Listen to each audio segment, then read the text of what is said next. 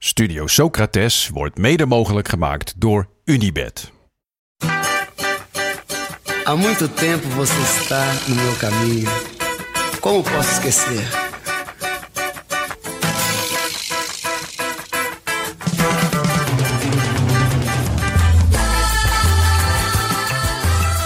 Welkom bij Studio Socrates, een podcast over alles wat voetbal mooi maakt. A beleza é você, menina. Ja, ja, Jasper. Zondagavond zitten we weer. Eh, het weekend zit er bijna op voor ons als we dit opnemen. Hoe, eh, hoe was je weekend?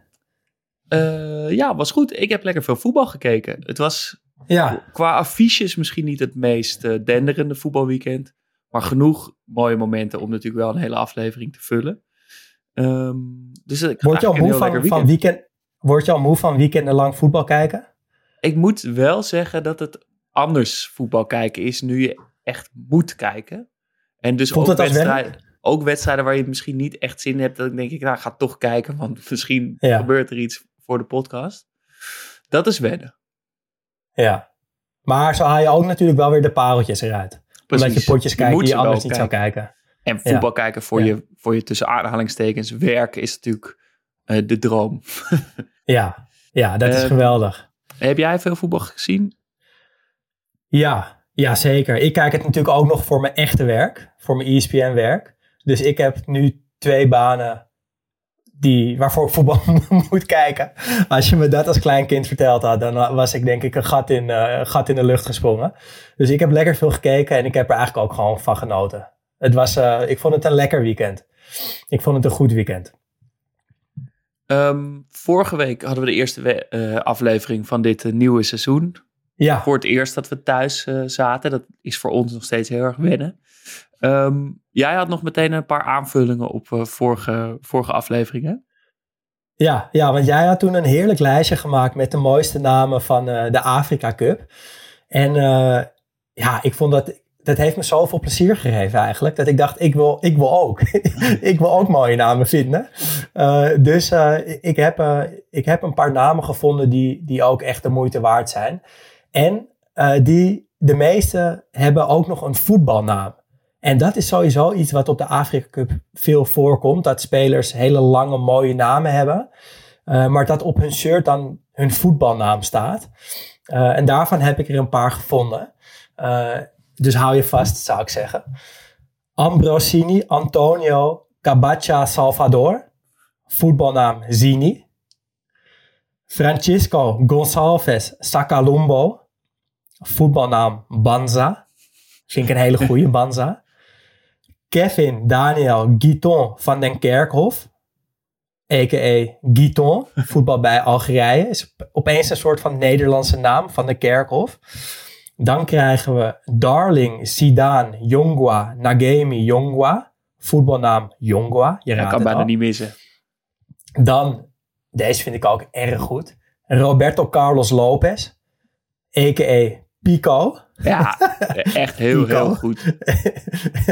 Ehm, nog een paar, omdat het zo leuk is. Marcio Salomao Brazao da Rosa. Voetbalnaam Marcio Rosa. Eh, Zidane Agostini Panjaqui. De tweede Zidane uit het rijtje, dat is altijd goed. Eh, Stopila Zunzu Zunzu. Ook echt geweldig. En dan mijn favoriet. Eigenlijk weer een heel ander type naam dan het rijtje wat ik net heb opgenoemd. Mijn favoriet is Hamza Barry. Of Hamza Barry. Ik weet niet hoe je het Hamza zegt. Barry klinkt Maar ik- beter. Maar ik vind de combinatie van namen Hamza en Barry. Dat is fenomenaal. Eh, het dat is mijn contrast is, goed. Ja, ik ja, vind wel, dat is geweldig. uit dit rijtje vind ik Stoppilla Zunzu Zunza, Zunzu vind ik wel echt de beste. Centrale verdediger van Zambia. Die moet als bijnaam Topzilla krijgen. Dat, dat kan niet anders. Stop Silla. Zo, heb je meteen de mooiste voetbalbijnaam van de Afrika Cup ook te pakken. Mijn eh, favoriete namen van, eh, van de Afrika Cup waren dus eh, Dixon, Nixon, Job en Z, of The Turbo. Eh The Ja. Turbo scoorde. Was ik Ja. erg blij mee. Dat was eh, een mooi momentje. Eh, en over die voetbalnamen gesproken. We kregen ook een hele mooie luisteraarsvraag bi- binnen. Die een beetje aansluit op, op, ja, op, op voetbalnamen eigenlijk. Uh, Daan Wieman stuurde op Instagram een vraag in. Als jullie een voetbalnaam op je rug zouden hebben, zoals bijvoorbeeld Kaka, wat zou die dan zijn? Erg goed. Wat, heb, jij hebt erover nagedacht? Nou ja, ik heb, me, ik heb mezelf vroeger wel eens Don Suto genoemd. is dit je MSN-naam? Sutorius is mijn, uh, ja, mijn achternaam. Don Suto. Ik denk als ik dat op mijn rug uh, zou hebben staan, dat het, uh, ja, dat het wel zou werken. Ja, dan moet je wel echt heel goed kunnen voetballen, wil je dat hebben. ja. Ik denk in het licht van The Turbo zou ik zeggen The God. The, God. The God. De, dus jij noemt je, je noemt jezelf gewoon de God eigenlijk. Nou ja, jij zegt Don Suto, dus ik kort dan mijn achternaam ook maar af, maar dan The God. ja, nee, die is, die is geweldig. Misschien nog wel leuk voor de luisteraar, als, als je ook uh, jezelf ooit een voetbalnaam hebt gegeven, uh, laat het ons uh, vooral weten. Laat het weten. Um, dan, voordat we naar de vaste, de, voordat we naar de vier punten gaan, de, de vier punten die het voetbal mooi maakten, eerst het vaste item van Goedemorgen Eredivisie, waar jij werkt we willen graag een, een tipje van de sluier van hoe het er achter de schermen met de echte profs eraan toe gaat. Ja, ja, ja, we hadden vanochtend, uh, de zondagochtend, hadden we Aten Mosse als ESPN-analyst aan tafel. En naast hem Henk de Jong, trainer van Cambuur. En Diego Biseswar. Had ik lang, uh, lang niet meer aan gedacht. Maar die uh, ja, is clubloos, 35 jaar, zoekt een club. En die dacht, ik ga mezelf eens even lekker in de etalage zetten. Is trouwens gelukt, want tijdens de uitzending hebben Henk de Jong trainer van Cambuur dus. En uh, Biseswar afgesproken dat hij komende week gaat meetrainen. Dus zo, uh, zo simpel, uh, zo makkelijk kan het gaan. Um, en ja, het is toch wel echt zo dat Atemos alsnog de ster van de show was. En ja, you hate him or you love him. Dat, dat is wel echt een beetje zo je, Ook als je hem haat, moet je, hem gewoon, moet je, er, moet je ervan houden. Het is gewoon you love him. Ja, eigenlijk wel. En dat komt, vind ik, vooral vanwege zijn voetbaltheorieën. Hij heeft een hele eigen, eigen, eigen kijk op voetbal. En dat kwam uh, aan tafel, kwam dat weer uh, goed tot uiting. Uh, want eventjes, hoeveel punten kun je maximaal pakken volgens jou in één voetbalwedstrijd? Ja, er zijn wel eens van die zes punten wedstrijden, maar ja. in principe pak je er nou ja, ja, Atemos deed er nog een uh, schepje bovenop. Die noemde Ajax RKC een acht punten wedstrijd. en iedereen aan tafel zat zo te kijken. Een acht punten wedstrijd. Hij zegt ja, je pakt er uh, drie tegen RKC. Je pakt er drie van Twente, want die hebben verloren van, uh, van NEC. En je pakt er twee van AZ, want die hebben gelijk gespeeld tegen Zwolle. Dus als je vandaag wint, pak je gewoon acht punten. Nou, vond ik, vond ik een heerlijke voetbaltheorie van, uh, van onze aard. Maar de mooiste, vertelde hij voor de uitzending, gaat over transfers. Hij heeft ooit, uh, ik geloof dat het van Kenny Dalglish was, die Liverpool legend, de vijf stelregels van de transfermarkt uh, gekregen. Vijf regels. Eén, never buy old players. Mee eens of niet? Uh, met uitzonderingen op de regel wel, ja. Ja, ja. Never buy lazy players. Oké. Okay. Never buy injured players. Dat lijkt me logisch. Ja. One touch, two touch. Regel 4, one touch, two touch. en, en regel 5, tea and cake. ja, enig, idee, enig idee wat hij daarmee bedoelt met tea and cake? Een soort, een soort simpel houden of zoiets? Nou, je, hebt, je hebt spelers nodig die door de week uh, genieten van tea en cake. En niet van bijvoorbeeld beer en french fries of zo. Okay. Rustig dus gewoon die lekker rustige jongens. Professionals.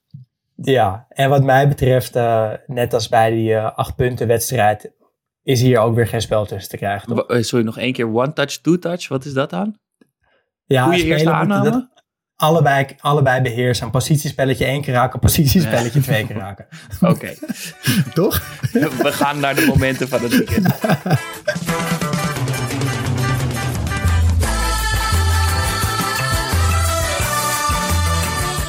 De vier momenten die het voetbal dit weekend mooi maakten. En daarbij weer dus een kleine disclaimer. Het is niet een top. Het zijn niet de mooiste. We hebben niet elk moment kunnen zien. En we hebben zelf ook nog heel erg moeten uh, kiezen welke momenten we ook in de aflevering zouden stoppen. deze vier momenten zijn gewoon vier hele mooie momenten. Moment één, die is aan jou. Ja, ja.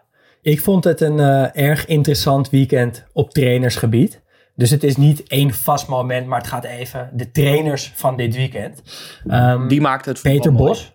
Ja, die maakte het voetbal mooi. Peter Bos had je natuurlijk, die stond in de spotlights. Omdat hij uh, dat stokoude record van Guus Hiddink uh, kon verbreken. 17 wedstrijden op rij winnen. Was hem gelukt. Het werd tijd voor de 18e overwinning. Maar dat lukte niet. 1-1 tegen Utrecht. Was ook niet onverdiend.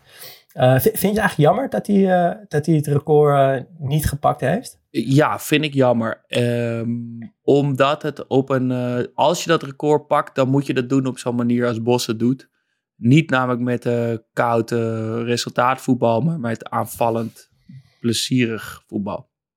Ja. ja, daarom vind ik het eigenlijk ook wel echt jammer. Want niks is gestolen van al die overwinningen, alles ruim gewonnen. En het voelt nu toch een klein beetje alsof het niet helemaal gelukt is. En dat hangt sowieso, vind ik, hangt een beetje aan Peter Bos. En ik had het hem gewoon gegund dat hij alleen dat record had. En dat is, uh, dat is niet gelukt, maar... Dat de trainer die uh, bij uitstek wordt genoemd als iemand die geen resultaat uh, pakt, maar wel leuk voetbal speelt, dat die dan zo'n reeks kan neerzetten. Wat hij al ja, dat hij het gewoon gedaan. allebei doet. Um, verder hadden we Xabi Alonso, Bayer Leverkusen. Als we het over mooie reeksen hebben. Bayer Leverkusen is al 27 wedstrijden ongeslagen. 24 keer gewonnen. Drie keer gelijk. Echt indrukwekkend. Ja, nog, een, keer, wonnen... nog geen één keer verloren dit seizoen in de, in de nee. uh, Bundesliga. Nee, en die wonnen zaterdag met 2-3 van, uh, van Leipzig. Waar Simons natuurlijk speelt. Xavi Simons. En dat was een geweldige wedstrijd. Ja, vond ik de leukste wedstrijd die ik dit weekend heb gezien. Uh, de eerste helft was helemaal van Leipzig. Met Simons die het helemaal naar zich toe trok. Een geweldige doel, uh, doelpunt maakte. Uh, volgens mij gaat hij ook nog veel beter worden. Je ziet hem de hele tijd ook op het veld wijzen en aanwijzingen geven. En zijn spelers neerzetten en het naar zich toe trekken. echt Al een beetje een leider eigenlijk. Ja, dat, dat is hij steeds meer aan het worden. En dat is hoopvol. tweede helft werd wat meer een gevecht. En trokken ze het op wilskracht, trok Leverkusen het naar zich toe. Uh, maar het was niet het, mooiste voetbal, maar je ziet wel dan de hele tijd die, die hand van Alonso met dat, ja, dat Alonso-bal en dat technische kaatsen, één keer raken, doorbewegen. Uh, wat je, ja, waar die dan nu een beetje bekend om raakt. Zag je wel de hele wedstrijd er doorheen sluimeren. Dus het was een, het was een heerlijke wedstrijd. Gedoodverfde opvolger trouwens ook hè, van Ancelotti, toch? Xabi Alonso gaat hoe dan ook hierna naar Real Madrid. Dat, dat kan gewoon niet anders. En dat gaat ook werken. Dat wordt, dat wordt ook leuk. Verheug ik me nu al op. Ja, maar dat, um, ik heb dat wel met Alonso. Dat ik nooit zo goed weet bij welke club ik hem het meeste vind passen. Of het dan Bayern Liverpool of, of Liverpool of, uh, of Real is. Ja, nee, ik vind hem toch wel echt die soort van geswanjeerdheid van Real Madrid hebben. Ik vind hem daar heel goed passen. Ancelotti mag nog wel even doorgaan. Ja, wacht uh, even door. Volgende trainer? Ja, ja, ja. Mourinho. Um, die werd ontslagen bij AS Roma. Uh, terwijl zijn opvolger een dag later gepresenteerd werd. Clubicoon Daniele de Rossi. Heel vet dat hij opeens trainer is bij AS Roma. En pijnlijk voor jou misschien een beetje dat Mourinho ontslagen is. Jouw ja. mannetje, jouw lievelingstrainer. Of voelt het niet zo? Nee, ik kan, ik kan nee, niet, zo, nog gewoon niet zoveel meer bij me. Uh, ik blijf gewoon van hem houden. En het is natuurlijk een totale idioot, want heeft hij drie rode kaarten dit seizoen gepakt. Uh, het was ook niet echt houdbaar meer. Maar, Negende uh, staan ze. weet, hij, hij blijft iets onaantastbaars houden. En daarom blijft hij, blijf ik ook van hem houden. Het is meer dat ik het gewoon niet begrijp hoe iemand die nou, samen met, met uh, Guardiola en Ancelotti toch wel de beste trainer van de 21ste eeuw uh, genoemd mag worden. Ja. Iets deed wat die andere twee niet deden, namelijk met de underdog kampioen worden. Namelijk met Porto de Champions League in 2004. Um, daarna natuurlijk al die periodes van Chelsea, Inter, Real. Ik begrijp gewoon niet hoe iemand die zo goed is en die zo goed kan lezen wat zijn team nodig heeft. En, zo, en met de buitenwereld en en tactisch en resultaten en hoe iemand die dat zo goed beheerst, dat kwijt kan raken. Ja, en, ja, en hij, hij dan kan al wel eens een minder seizoen. Eigenlijk. Tussen zitten. Maar hoe kan je nou eerst succes na succes hebben en dan in één keer het gewoon verliezen? Ja, ja want hij, hij is nu vier keer op rij ontslagen. Bij Chelsea, bij Menu, bij Tottenham en bij Roma. En ik, ik zag een tweet voorbij komen dat, hij, ja, dat we hem niet meer de special one moeten noemen, maar de sacked one. er zijn er wat trainers die vaker ontslagen zijn dan vier keer, zeg. Jawel, jawel. Maar ik moest hier toch wel stiekem om ja, gniffelen. Ja. Volgende trainer, die uh, trouwens ook werd ontslagen, Pascal Jansen bij AZ. Stond ook een opvolger klaar. Ook een club-icoon, Maarten Martens. Uh, maar daar had ik toch wel meteen het gevoel bij van dat gaat niet werken. En waarom niet? Omdat een, een goede trainer, vind ik, moet ook wel een klein beetje ontzag inboezemen. Toch? Je moet, je moet een heel klein beetje vrees hebben voor je trainer. je moet een heel klein beetje bang voor hem zijn. En je kan niet bang zijn voor Maarten Martens, vind ik. Toch? Uh, nee. Nee. Ik denk dat, dat ik het met je eens ben. Dat lukt gewoon niet. Uh, en de laatste trainer die ik eventjes wil noemen is, uh, was eerder in de week Thomas Duivenvoorde, trainer van Quick Boys. Thomas de Serbi, Duivenborden wil ik zeggen. Want uh, hoe Quick Boys voetbalde tegen AZ was echt om je vingers bij af te likken. Was zo goed en zo erg geïnspireerd op de Serbi. dat ik daar ook echt van genoten heb. En al die trainersmomenten die, die zetten me een beetje aan het denken zo ja, aan het eind van het weekend. En ik vroeg me af, wanneer ben je eigenlijk een goede trainer? Ben je dat als je wedstrijden wint en prijzen wint? Of ben je dat als je je elftal en je spelers beter maakt en beter laat voetballen? voetballen? Uh, of is er nog iets anders wat, wat nog belangrijker is? Hoe, uh, hoe kijk jij daarnaar? Ik denk dat je dat in welke sport dan ook dat de allergrootste, en zeker trainers, en, en soms kunnen spelers of sporters dat ook wel doen, maar vaker zijn het denk ik coaches, zeker in het voetbal, die de sport veranderen. Uh, Cruijff bijvoorbeeld. Cruijff bijvoorbeeld, maar ik denk dat, dat Mourinho dat ook heeft gedaan. En Guardiola doet dat. En al, uh, weet ik, ja, gewoon alle echt grote trainers zetten een soort nieuwe trend in gang. Uh, ja. Met een eigen filosofie. En ik denk dat dat gaat over. Dat het meer gaat over hoe, hoe ga ik deze wedstrijd winnen. Maar dat dat coaches zijn die over voetbal kunnen nadenken als geheel. Wat betekent voetbal? Dat, dat zij zichzelf die vraag goed kunnen uh, stellen. En dat bijvoorbeeld de Serbi, die je net al noemde. Denk dat dat een grote is. Niet omdat hij met het relatief kleine Brighton kampioen gaat worden. Of, of zal worden. Um, mocht nee, dat, dat gaat niet gebeuren. Maar, maar meer dat hij een grote is, omdat hij bijvoorbeeld zo'n uitspraak doet als hij over Ansu Fati zei. Um, Wat zei hij daarover? Ja, deed een van de meest ontroerende uitspraken, vond ik, die ik ooit een trainer heb horen zeggen over dat, uh, dat hij vond dat hij de verplichting had als coach om een wereldtalent als Ansu Fati um, voor het voetbal te behouden. Dus niet ja ten koste van zo'n jonge, talentvolle speler en wisselen om uh, die wedstrijd te winnen. Nee, niet voor het resultaat kiezen, maar voor die speler kiezen. En dus voor het publiek en, en voetbal in het geheel. Nou, ik denk als je zoiets kan denken, het zo, het zo groot kan maken en zo kan nadenken wat betekent het dat ik coach ben in voetbal, dan ben je een grote. Ja. Dan, dan hoeft hij dus, daar hoeft hij geen kampioen voor te worden. Nee. Nee, Peter Bos deed eerder deze week een, soort van vergelijkbare uitspraak. Wel echt minder mooi, maar ik denk wel dat het een beetje op hetzelfde neerkomt. Die zei dat hij deze reeks overwinningen en de manier waarop dat gebeurt, dat hij dat veel mooier vindt dan een prijs. En voor mij is dat gewoon de kern. En het is namelijk ook zo, je kunt niet altijd alles blijven winnen. Kijk, op het moment dat bij Mourinho dat winnen wegvalt, wat nu een aantal jaar gebeurt, dan blijft er dus ook niet zo heel veel meer van over.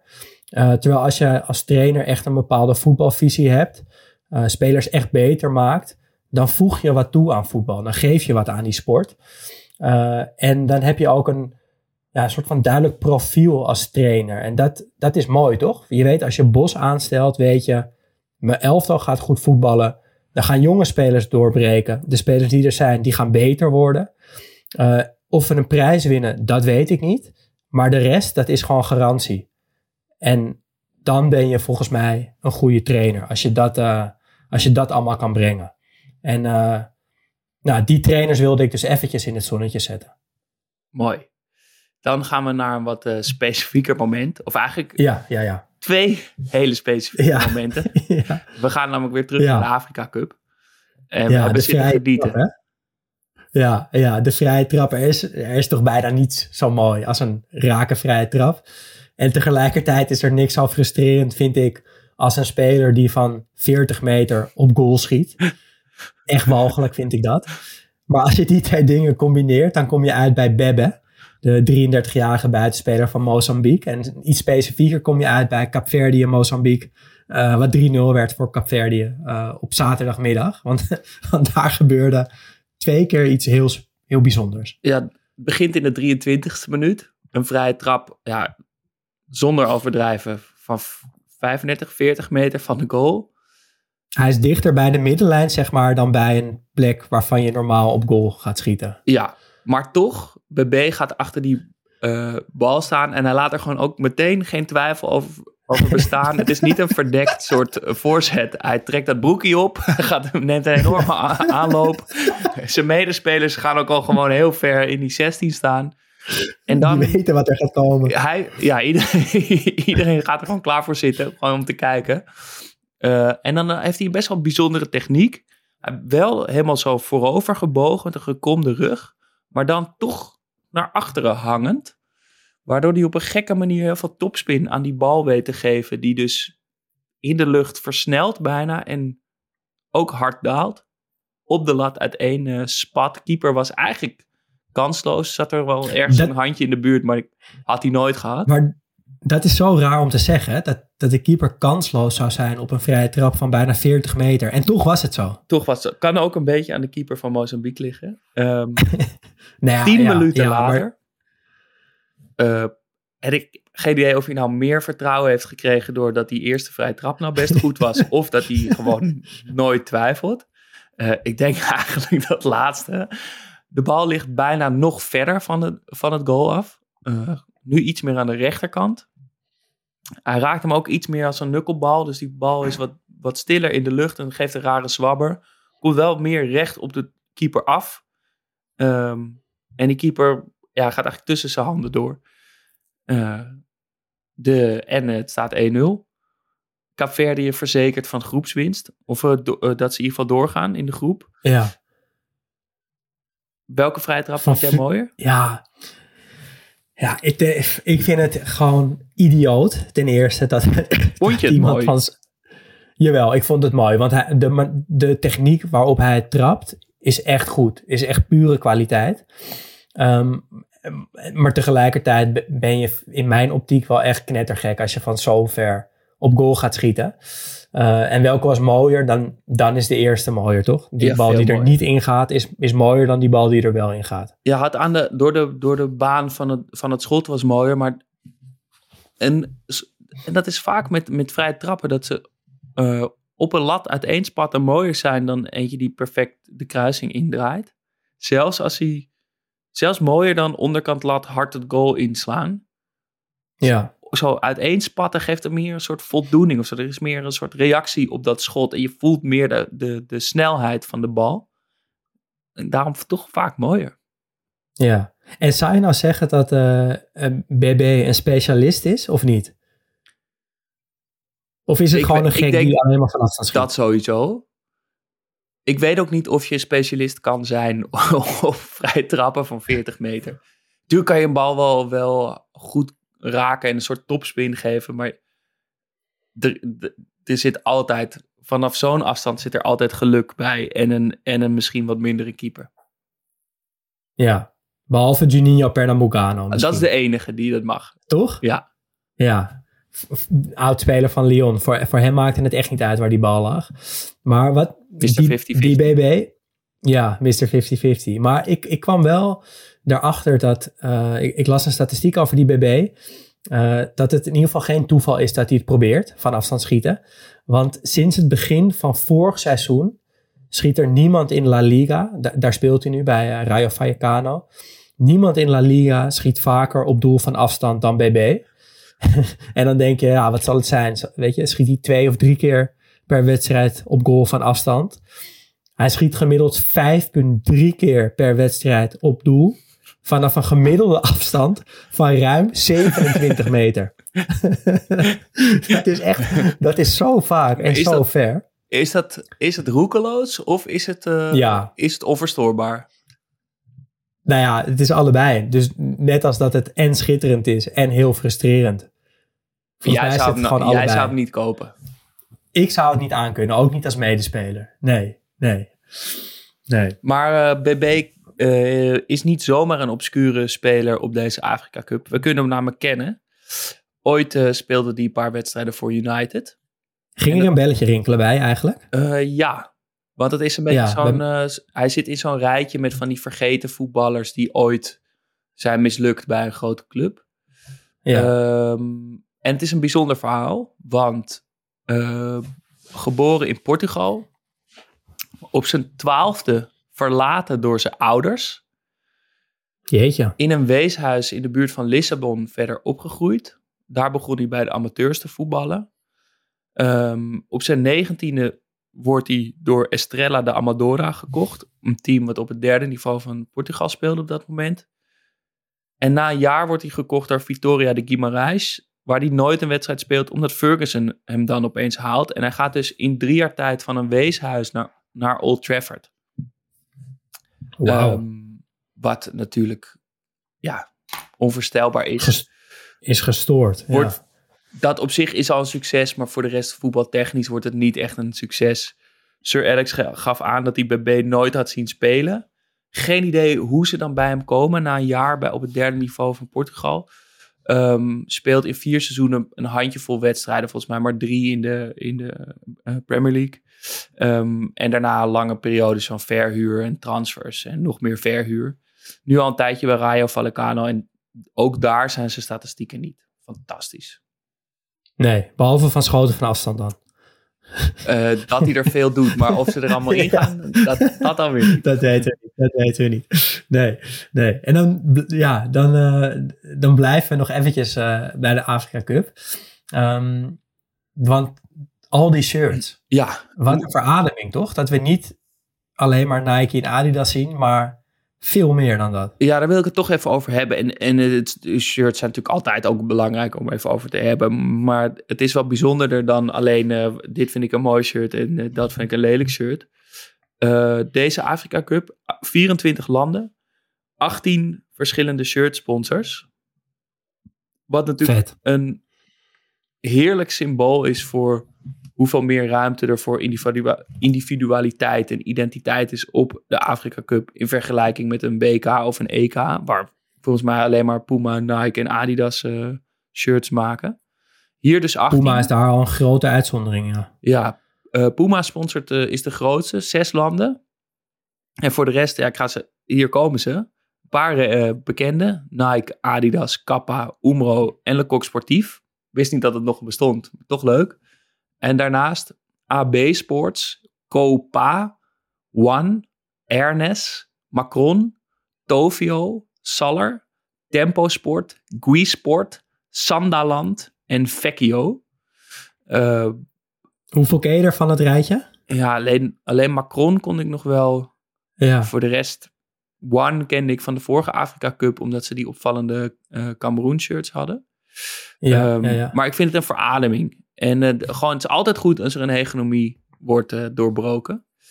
Eh, twee dingetjes wel hierover, over die shirts toch nog even. Ehm, ik heb op een of andere manier een hekel aan het merk Puma. Ik vind eigenlijk altijd lelijke shirts.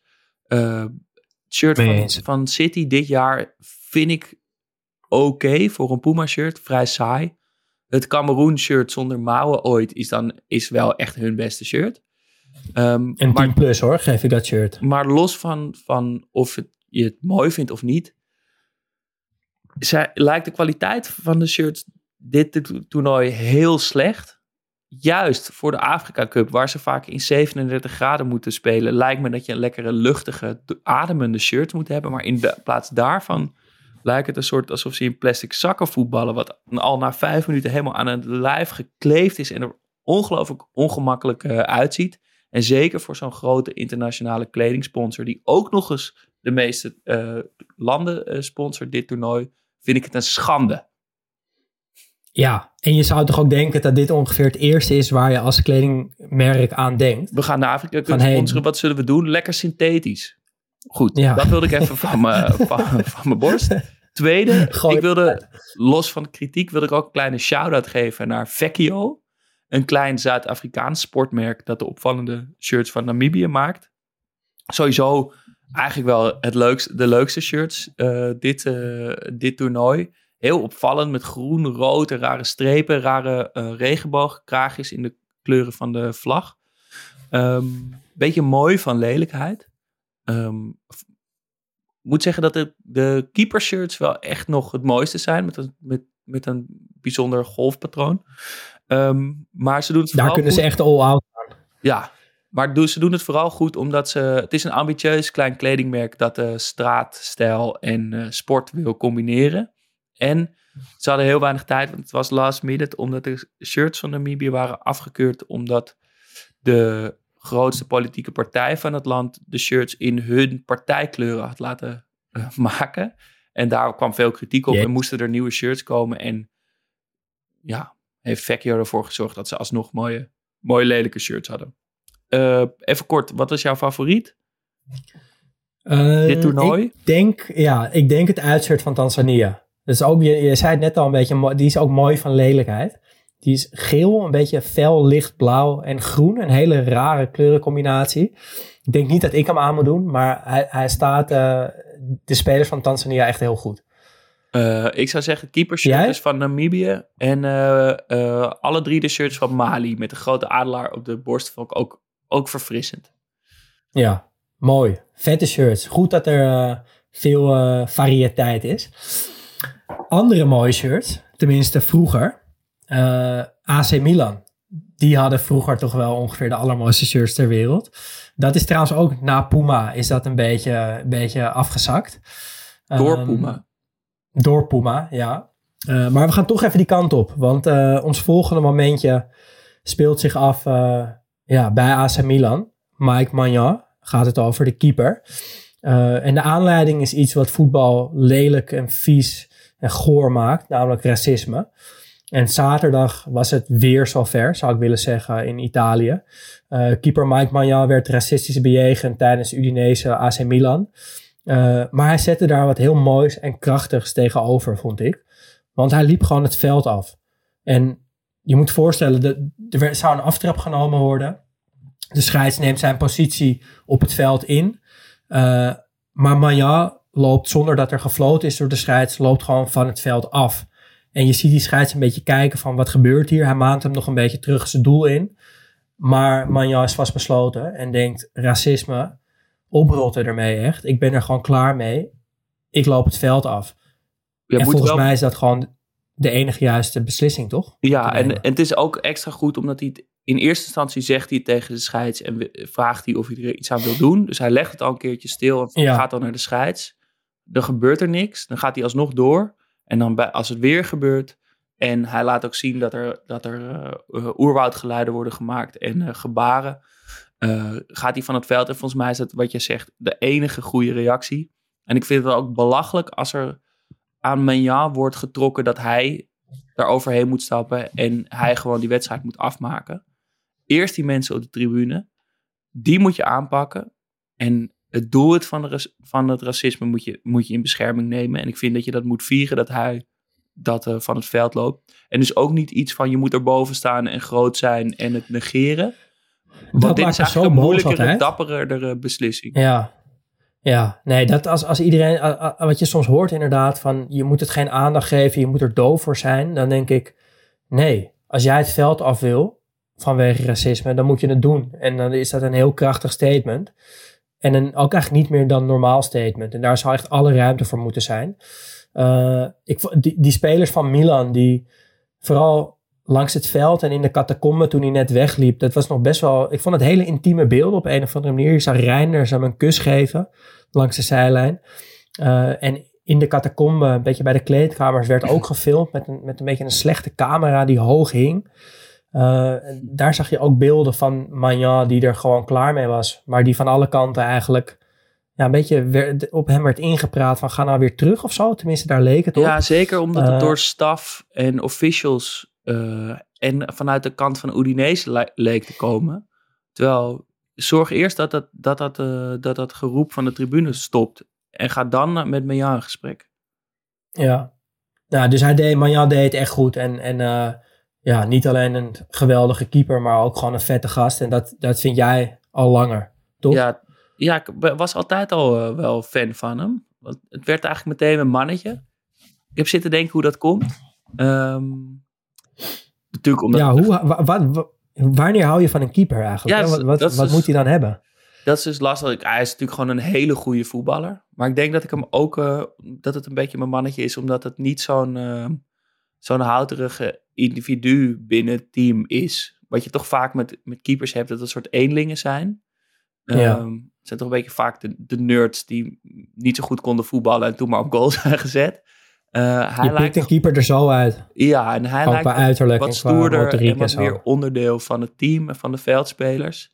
Ehm, eh, dat vind ik gewoon een, goed, staat gewoon goed. Ik vind dat Ederson dat ook wel heeft. En in Nederland heeft Bijlo, dat vind ik ook wel. Een beetje onderdeel van Ja. de stoere boys van het team. Heel wat anders dan bijvoorbeeld Courtois of De Gea of Ter Stegen of Neuer of Joris of Sillissen of Ja. Krul. Allemaal een beetje Ja, die gewoon houterige edelingen binnen een team. echt keepers, keepers zijn dat. Wat voor soort keepers hou jij? Ehm, hele lange, grote keepers. Punt. Ja, gewoon Scherp. praktisch. nou, volgens mij, nee, er bestaat ook iets als te groot en, Maar en wat- te lang. Edwin en van dat is Sar. Scherpen. Eh, Fraser Forster, die, eh, die keeper die bij Celtic een tijdje zat. Vind ik een mooi antwoord. dat, eh, ja, dat is mijn droomkeeper. Ja. Eh, en Magnan, ja, tuurlijk, ik kan hem niet claimen, want het is al jouw mannetje. Ja, Maar en hij is al lang ik- mijn mannetje, wil ik er toch nog even bij zeggen. Zeker. Voor de maar ik onderstrepen, dat is een, eh, echt een geweldige keeper. Ehm, verder nog in de Serie A. Twee dingen die niet met keepers te maken hebben, maar die wel heel vet zijn. Eh, transfers. Tijani Noslin, die van Fortuna Sittard naar Hellas Verona gaat. En dat carrièrepad, dat blijft bijzonder. Want in 2020 speelde hij nog bij DHSC. En eh, die amateurclub van Wesley Sneijder in FC in Utrecht. Ehm, toen ging hij naar Top Os. Nog voordat de competitie datzelfde seizoen begon, kocht Fortuna Sittard hem. Dus toen hij nog geen officiële wedstrijd voor Top Os had gespeeld. Eh, en na twee seizoenen Fortuna Sittard, twee of drie seizoenen, weet ik even niet uit mijn hoofd, maar in ieder geval kort, wordt hij nu gekocht door Hellas Verona. Dus hij is in pakweg drie jaar van een eh, amateurcontractje naar een miljoenencontract in de Serie A gegaan. Uh, en mijn verwachting is dat hij ooit nog in de Premier League uh, terechtkomt. Ik vind het echt iemand die makkelijk zich aanpast aan een hoger niveau. En zo'n geweldige drive heeft om beter te worden. Dat, dat hem dat volgens mij ook wel gaat lukken. En echt wat voetbal mooi maakt, toch? Ja, net als uh, Cyril Ngonge, wat die van Hellas Verona naar Napoli ging. Ook opeens zo'n ja. raar carrièrepad van weggestuurd worden naar Groningen. En degraderen daar naar opeens bij, na, bij de kampioen van Italië terechtkomen. Ja, ook dat dat binnen kan, een jaar. Dat, dat je daarmee voed je toch de hoop van alle mislukte voetballers op aarde. Die lopen te zwoegen bij die kleine kutclubs. En, en het idee hebben dat ze ooit nog een keer ontdekt gaan worden. Dit soort Ja. verhalen zorgen ervoor dat die droom toch blijft leven. Ook bij ons. Het, ja, het kan echt. Het kan echt. Uh, we gaan snel naar het laatste moment. Um, en dat is uh, wederom niet één moment, maar weer een fenomeen wat dit weekend veel terugkwam en wat het voetbal mooi maakte. Namelijk veel leuke, goede, nieuwe manieren van juichen. Ik heb, uh, ik heb het, het, vieren van doelpunten gezien wat, die ik nog nooit eerder had gezien. Vertel. Weer, goed in, uh, in verscheidenheid. Uh, een leuk fenomeen vond ik uh, door de VAR. Dat in de wedstrijd Marokko-Tanzania, dat 3-0 werd, dat de goal van Enesiri werd gevierd in de dugout. Hij was namelijk al tijdens, tijdens het, het VAR-moment was hij naar de kant gehaald. En kreeg dus, terwijl hij op de bank zat, te horen dat het doelpunt was goedgekeurd. Waardoor alle wisselspelers als eerste de doelpunten maken konden feliciteren. En hij zat een beetje in één gedoken, bijna verontschuldigend op de bank en iedereen eromheen. Was een mooi beeld. Niet Eh, eerder gezien inderdaad. Nee, ga- gaan we vaker zien Ja, eh, ja. met de VAR. Eh, Egypte-Ghana werd 2-2. Kudus scoorde en ging op de boarding zitten. En het hele team ging naast hem zitten op het randje. Een beetje zo tevreden met de armen over elkaar om zich heen kijken. Hij doet dat, volgens mij is dat ontstaan bij West Ham. Want daar doet hij het ook. En daar doet hij het vaak met Paqueta. ja, Dat en ze zo naast elkaar gaan zitten. Goed beeld is dat ook. collectief juichen is gewoon is, is beter. Ehm, Ja. We zagen ook bij Equator- Equatoriaal Guinea, wat van Guinea-Bissau won, eh, zagen we een bijzonder dansje. Wat opvallend genoeg niet door de doelpuntenmaker en Sue werd ge- eh, geleid. Maar iemand anders ging in het midden staan en alle, de rest van de spelers, waaronder en Sue, daaromheen dansend. Ook dansjes bij Burkina Faso en Capverdi. Iets wat we natuurlijk ook wel vaker op de Afrika Cup zien. Maar eh, wat daarbij mooi is, vind ik, is dat het... eh, als je, kijk, ik heb vaak gezegd dat ik de mooiste manier van juichen vind ik gewoon de eruptie van emotie is het mooiste. Dat je het niet meer over nadenkt hoe je gaat juichen. Maar er zijn natuurlijk veel doelpunten die gemaakt worden waarbij er niet zo'n explosie is van vreugde of verbazing of ontroering. Ehm, maar die gewoon zakelijk gevierd worden. En dan is het gewoon veel beter om collectief iets in te studeren dan in je eentje je gebaartje te doen voor, ja, voor je merk. Ehm, en dus collectieve dansjes is, is fijner dan individuele maniertjes. De raarste manier van juichen wilde ik het eigenlijk vooral over hebben. Die kwam namelijk niet van een speler, maar van een coach deze week. Simeone, na de goal van Griezmann in de Copa del Rey. Ze speelden deze week twee keer tegen Real Madrid. eh, Atletico Madrid dus.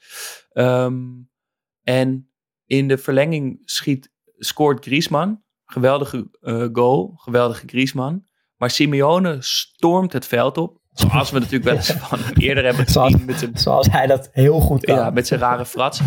De spelers staan al in een haag om Griezmann heen. En ja, ik kan dat niet echt vreugde noemen. Want volgens mij wat er gebeurt is dat hij gewoon zijn spelers heel hard begint te slaan. Heb je het gezien? ja, hij, ik heb het hij gezien, begint ja. gewoon te beuken. Ehm, opvallend en leuk. Ik kon er toch van genieten. Ehm, en, Het past gewoon goed bij hem, toch? Het past dat, goed dat, bij hem. Dat zie je. Maar er is veel Ja. kritiek op coaches zoals Klopp en eh, Pep en Simeone die zich zo ontzettend lopen op te vreten langs een zijlijn en te schreeuwen en te gebaren en te doen. Eh, en dus op die manier ook eh, invloed op de scheids proberen uit te oefenen.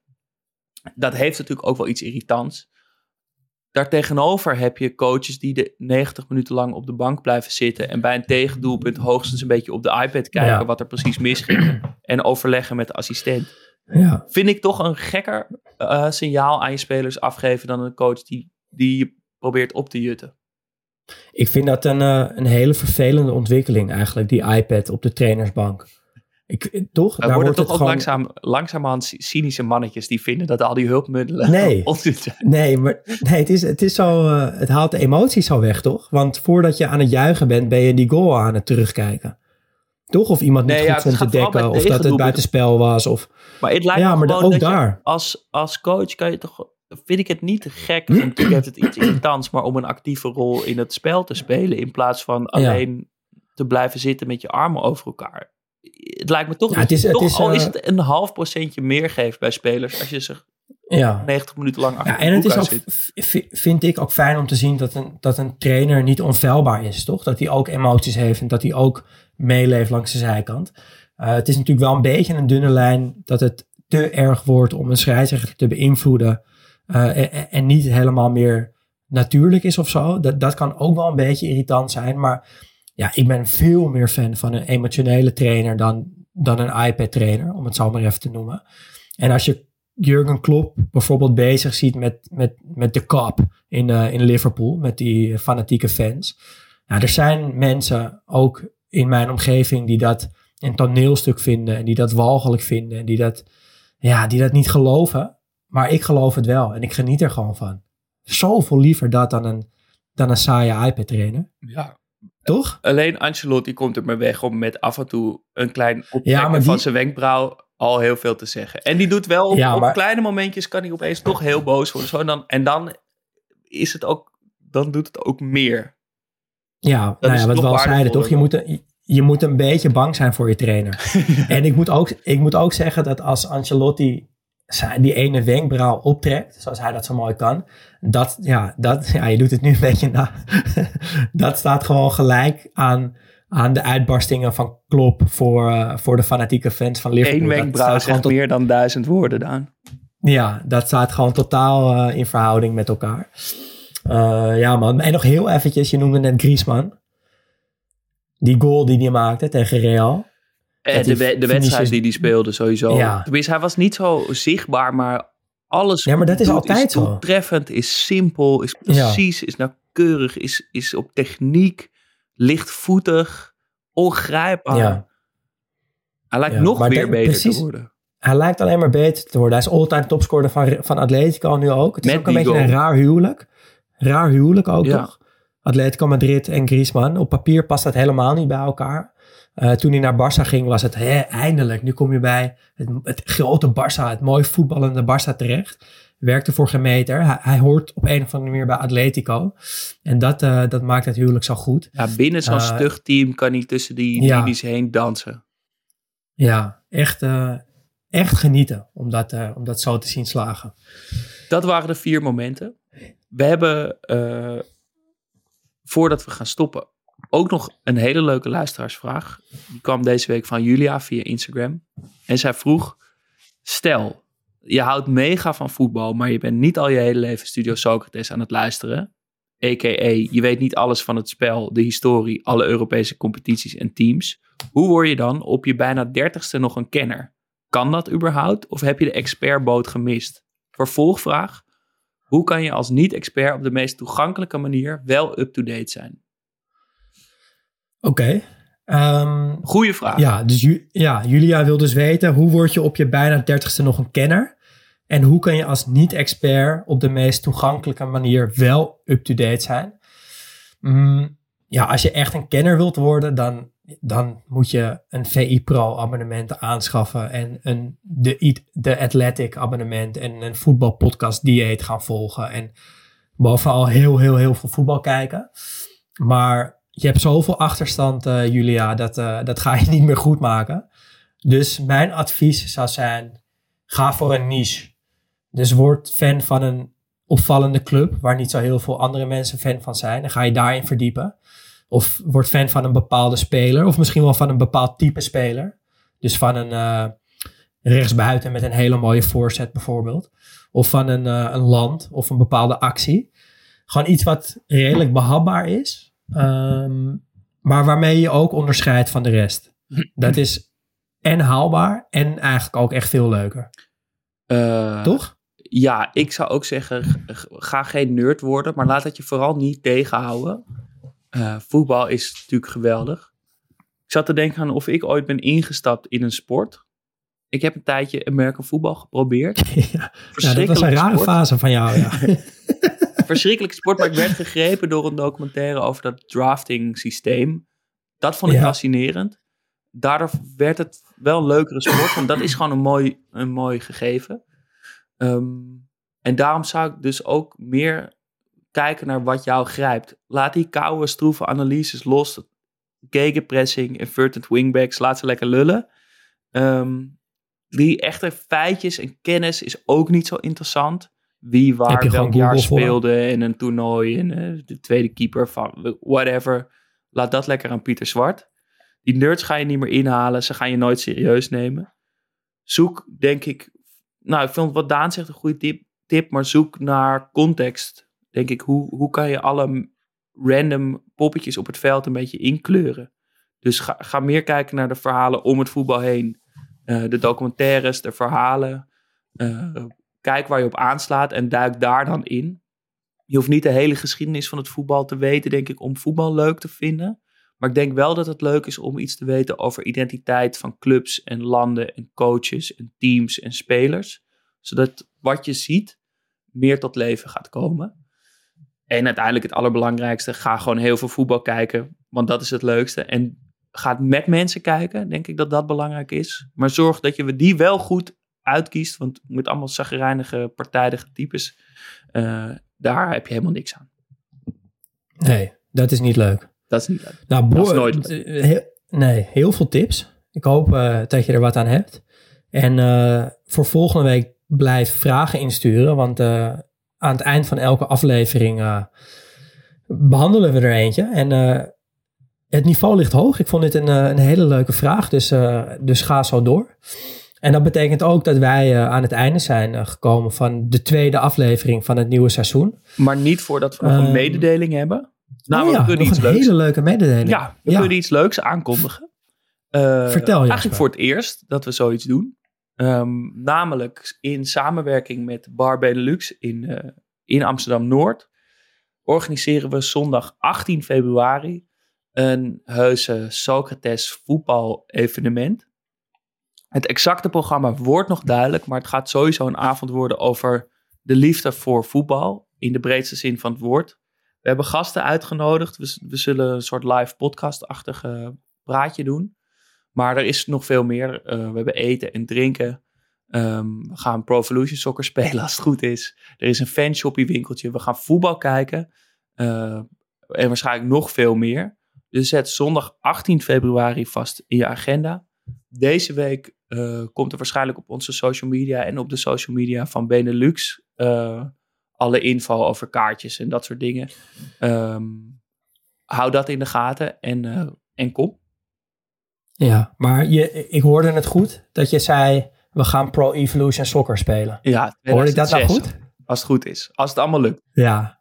We gaan Alleen dat is al de reden 2's, eigenlijk. ja, we gaan PlayStation 2's regelen met oude tv's en dan gaan we dat spel spelen. Dat is echt al reden genoeg om 18 februari eh, naar de Benelux te komen. Dan zijn we nu eh, echt klaar. Ja, Ehm, maar nog niet helemaal. Want eh, wij vinden het ontzettend lief als jullie misschien willen doneren via Vriend van de Show. www.vriendvandeshow.nl slash Studio Socrates. Eh, daar help je ons mee om eh, deze podcast eh, te kunnen blijven maken. Eh zijn we je heel dankbaar voor. Vertel het je vrienden dat we dit aan het doen zijn. Deel de aflevering op je socials. En je kan ons ook volgen op Twitter en op X. Studio laagstreepje Socrates.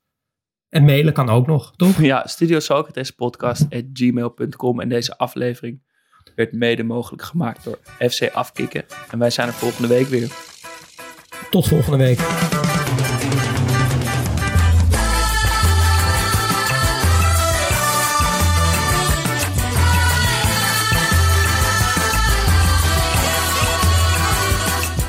É você, menina. Menina, no seu jeito de olhar. O sucesso é você, menina. Menina, no seu modo de andar. Alegria é você, menina. Menina, no sorriso que dá. Vendaval por amor, menina, menina, todos querem te amar. Ei, vento, vento, vento no mar, te segura no balanço, o vento não te levar. Ei, vento, vento, vento no mar, te segura no balanço, pro vento não te levar. Já sei que não vai ter jeito pra poder te conquistar. Se você olhar pra mim, menina, vou te amar. Já sei que não vai ter jeito pra poder te conquistar. Se você olhar pra mim, menina, vou te ganhar. Ei, vento, vento, vento no mar. Te segura no balanço vento não te levar. Ei, vento, vento, vento no mar. Te segura no balanço pro vento não te levar. Como posso te esquecer? Não tem jeito.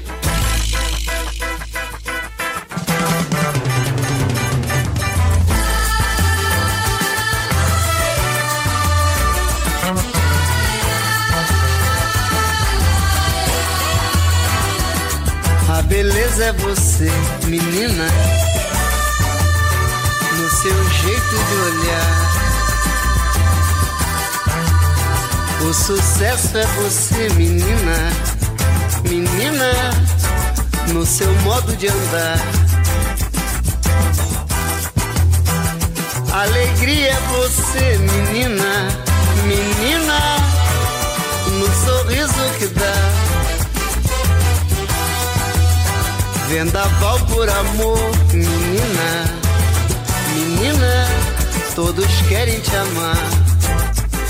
Ei, vento, vento, vento no mar, te segura no balanço pro vento não te levar. Ei, vento, vento, vento no mar, te segura no balanço pro vento não te levar.